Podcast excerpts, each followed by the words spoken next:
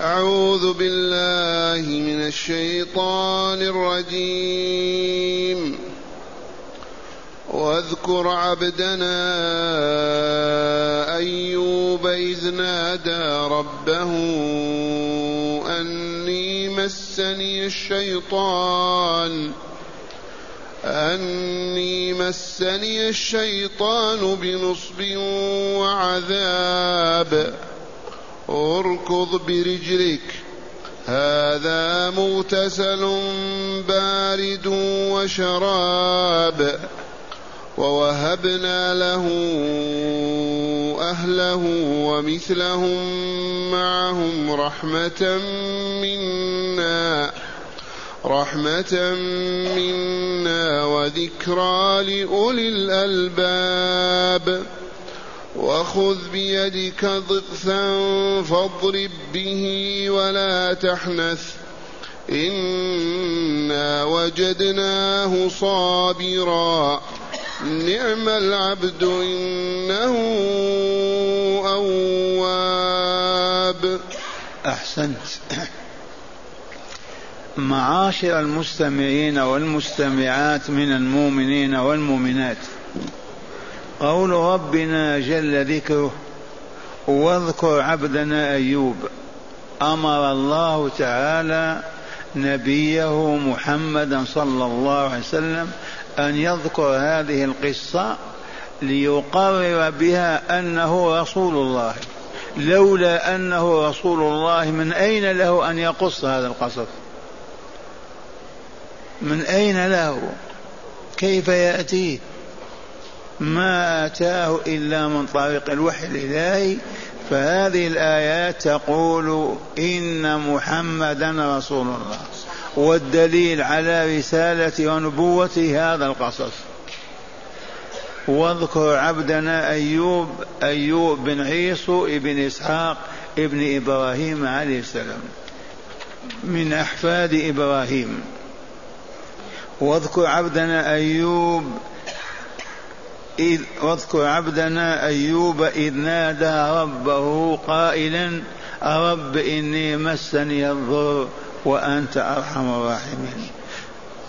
هذه في سورة الأنبياء. وهنا واذكر عبدنا أيوب إذ نادى ربه إني مسني الشيطان بنصب وعذاب.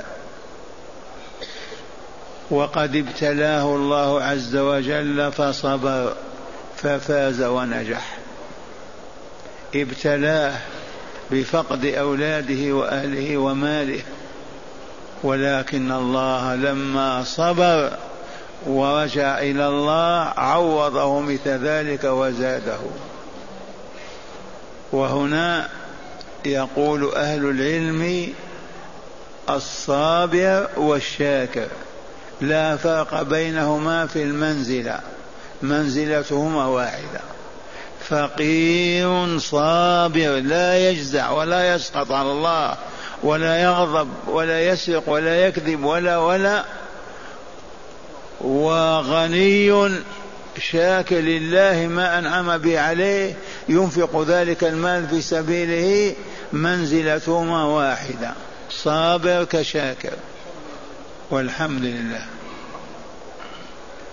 واذكر عبدنا أيوب إذ نادى ربه يا رب هذا النداء ناداه باسمه العلم الله أو بالصفة يا ربي إني مسني الضر وأنت أرحم الراحمين إني مسني الشيطان بنصب وعذاب. ونصب الآلام والأتعاب والعذاب المرض أيضا. ولما نسب هذا إلى الشيطان لأنه كان السبب في بعض الهفوة التي هفاها. والحكايات الإسرائيلية الإعراض عنها أولى. إذا لم يقل الرسول صلى الله عليه وسلم المراد من العذاب كذا أو البلاء كذا لا نستطيع أن نكذب على الله. لكن هذا العبد الصالح هذا النبي إنه نبي من أنبياء الله من أحفاد إبراهيم. أبوه يقال له عيسو وجده إبراهيم عليه السلام. إني مسني الشيطان بنصب النصب والنصب العذاب. وما يتحمله المرء. والعذاب المرض أيضا بنصب وعذاب. فاستجاب الله تعالى له فقال له اركض برجلك. هكذا. ركض يركض إذا ضرب الأرض ضرب الأرض برجله. اركض برجلك ينبع الماء. فنبع الماء فاغتسل به مشى خطوات فركض ضرب الأرض فخرج الماء فشرب منه فشفي من مرضه. هذه من آيات الله. هذه المعجزات التي يعطيها الله لمن شاء من أنبيائه ورسوله. مرض قيل مرض ثمانية عشر سنة وهو على الفراش. ثمانية عشر سنة وهو على الفراش. وهو عبد الله ونبيه. ليكون هذا عظة للمؤمنين الذين يبتليهم الله بالمرض. فلا ينبغي أن يجزعوا أو يسخطوا على الله بل يحمدوا الله ويصبر على ما ابتلاهم به. ثمانية عشر سنة. إذا ماذا قال؟ إني مسني الشيطان بنصب وعذاب. قال له رب تبارك وتعالى بالوحي اركض برجلك هذا مغتسل تغتسل فيه وهذا شراب تشرب منه. فشفي شفاء كاملا كأنه لم يصب بالمرض. مرض ثماني عشر سنة زال وعادت صحته وحاله كما كان قبل مرضه. وقال تعالى في امتنانه عليه ووهبنا له أهله ومثلهم معهم الذين ماتوا زاد أضعاف. الأهل من الزوجة والولد والأحفاد فوهبنا له أهله ومثلهم معهم رحمة منا. رحمناه عبدنا ورسولنا ونبينا. دعانا فاستجبنا له. ابتليناه فصبر فبين له الطريق. كيف يخرج من هذه الأتعاب والالام والأمراض؟ وكان يغتسل في الماء وإذا بالذهب يتساقط عليه كالجراد. والفضة كذلك. عوضه الله كل ما فقد وزاده. وقوله تعالى رحمة منا أي من عندنا نحن رب العزة والجلال والكمال وذكرى لأولي الألباب. ذكرى ينتفع بها من هم؟ أصحاب العقول النيرة. هذه ذكرى من ينتفع بها؟ أرباب العقول النيرة. التي تعقل عن الله وتفهم وبذلك يلجؤون إلى الله في مصابهم ويفزعون إليه في آلامهم ويستجيب له كما استجاب لأيوب وغيره. وذكرى لأولي الألباب. أصحاب العقول النيرة المبصرة الذين يفرقون بين الحق والباطل والخير والشر والضار والنافع. جعلنا الله وإياكم منهم.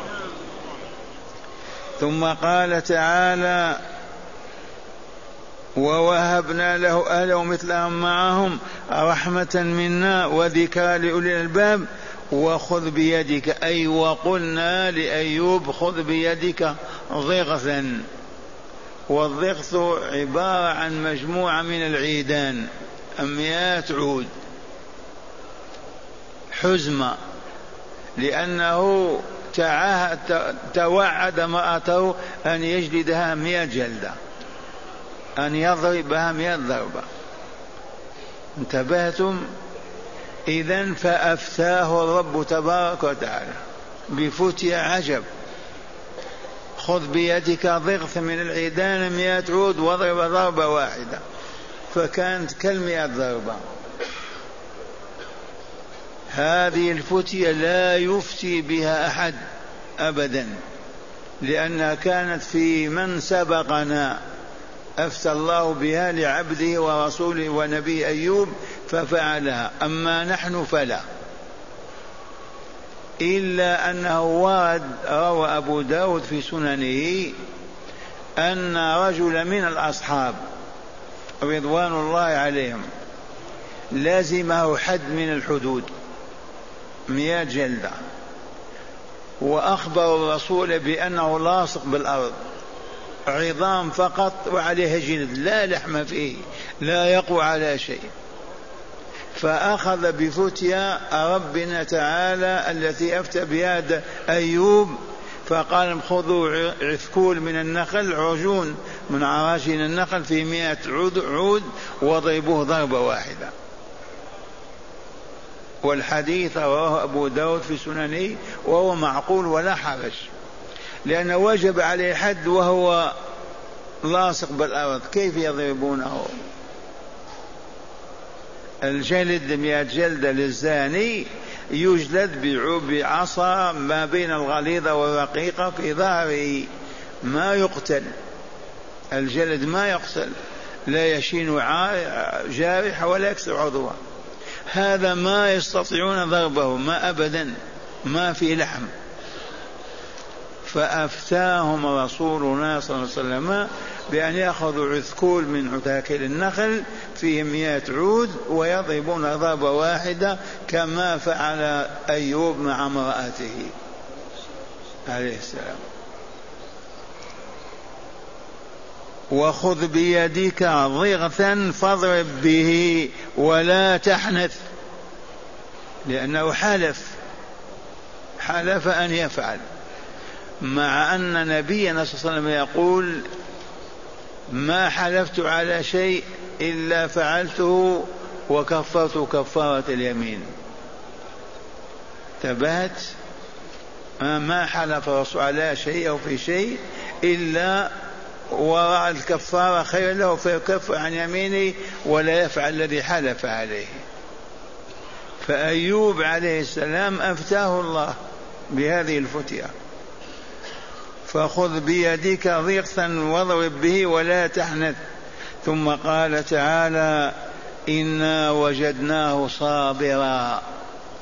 أخبر تعالى أنه ابتلى هذا النبي بهذه الأمراض وفقد الأهل والأولاد وما أصابه ووجده صابرا فأثنى عليه بصبره إنا وجدناه صابرا. نعم العبد هذا الثناء من الله عليه.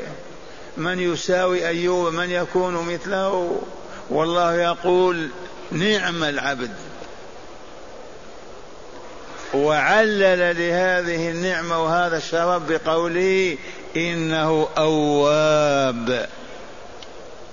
هيا نكن من الأوابين.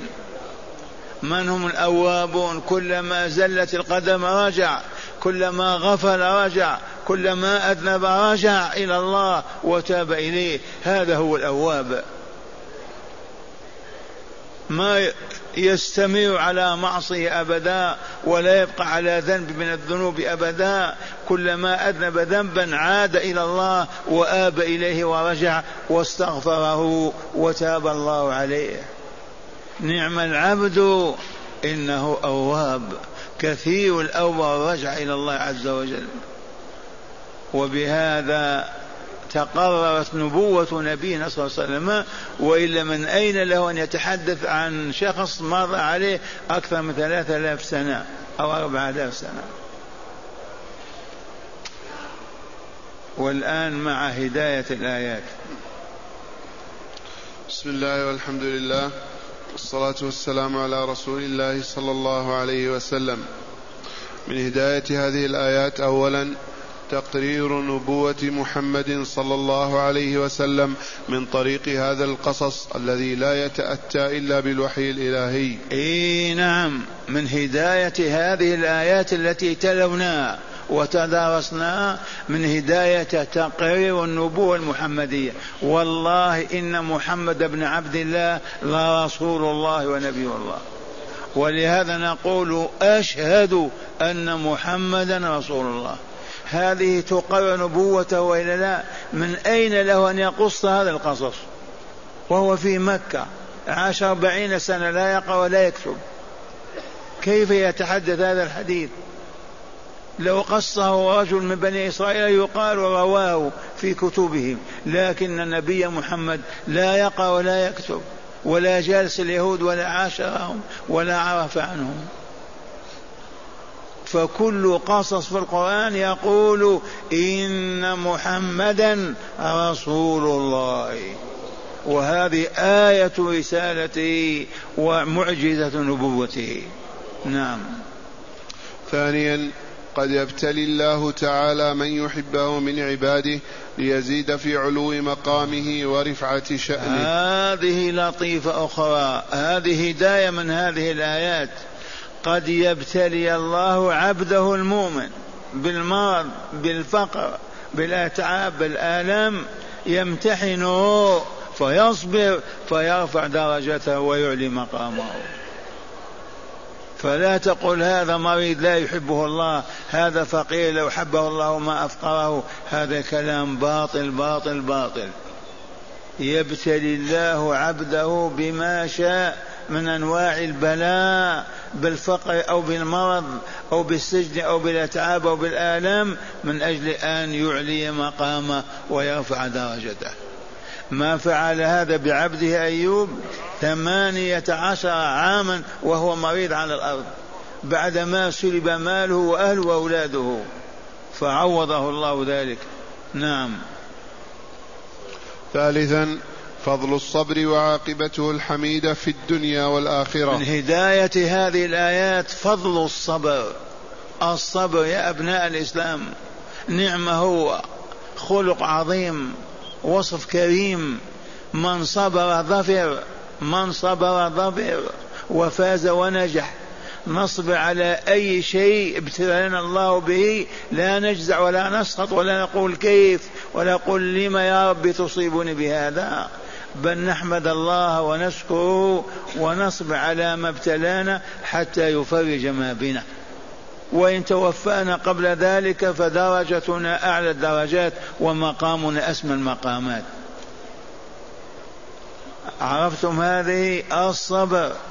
فقير ما يشحت ما يكذب ما يسرق يجوع يتألم يمسك, يمسك بطنه بعصابة كما فعل الرسول ولا يمد يده لغير ما أحل الله له. صابر وإلا لا؟ مريض آلام وأتعاب ما يعرف إلا يا رب يا رب يا رب. يدعو الله ويسأله ويطلب منه الشفاء. لا يسأل غير الله ولا يلتفت إلى غير الله. ولا يحسد من كان ذي صحة من كان ذا صحة وعافية. ولا يقول يا ليتني كنت مثله أبدا. صابر على ما ابتلاه الله به. فنعم هذا المقام لمن فاز به الصبر. حبس النفس وهي كارهة. حبسها على ما يحب الله عز وجل فتفعله حبسها عما يكره الله فتبتعد عنه ولا تفعله اللهم اجعلنا من الصابرين. رابعا مشروعية الفتيا وهي خاصة بأهل الفقه والعلم. في هذه الآيات من الهداية مشروعية الفتيا أذن الله تعالى في أن يفتينا علماؤنا. لكن لا يفتي إلا العالم الرباني بكتاب الله وهدي رسوله صلى الله عليه وسلم. مشروع الفتية وإلا لا؟ أفتى الله أيوب وإلا لا؟ فتية عجيبة وإلا لا؟ خذ ضغث من العيدان مئة عود واضرب به مرتك ينتهي يمينك. حلف أن يجلد مئة جلدة. والرسول صلى الله عليه وسلم لما قيل فلان التزم حدا وهو الآن لا يتحرك عن الأرض ولا يقوى عظام فقط وجلد. أفتهم قال خذوا عجون من عجون التمر واضربوه به في مئة عود. عثكون من عتاكل النخل. وهكذا مشروع الفتية وإلا لا؟ مشروع. تأتي إلى عالم رباني بالكتاب والسنة تستفتيه يفتيك. ويقول لك افعل كذا أو كذا أو لا تفعل كذا أو كذا. من هداية هذه الآيات الفتية وإلا لا؟ وخذ بيدك ضغثا فاضرب به ولا تحنث. نعم. وأخيرا وجوب الكفارة على من حنث في يمينه. وجوب الكفارة على من حنث في يمينه. من حلف بالله أن لا يؤكل أكل.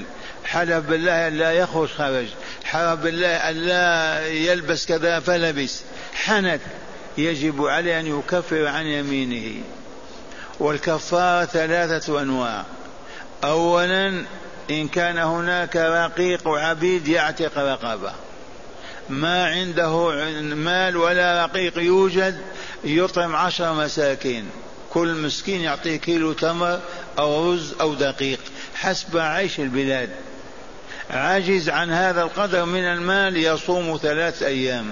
وقد بين هذا تعالى في كتابه من سورة المائدة. فمن لم يستطع فإطعام فمن لم يجد فصيام ثلاث أيام. فكفارة إطعام عشرة مساكين من أوسط ما تطعمون أهليكم. أو تحرير رقبة. فمن لم يجد فصيام ثلاثة أيام. وعلى هذا إجماع الأمة.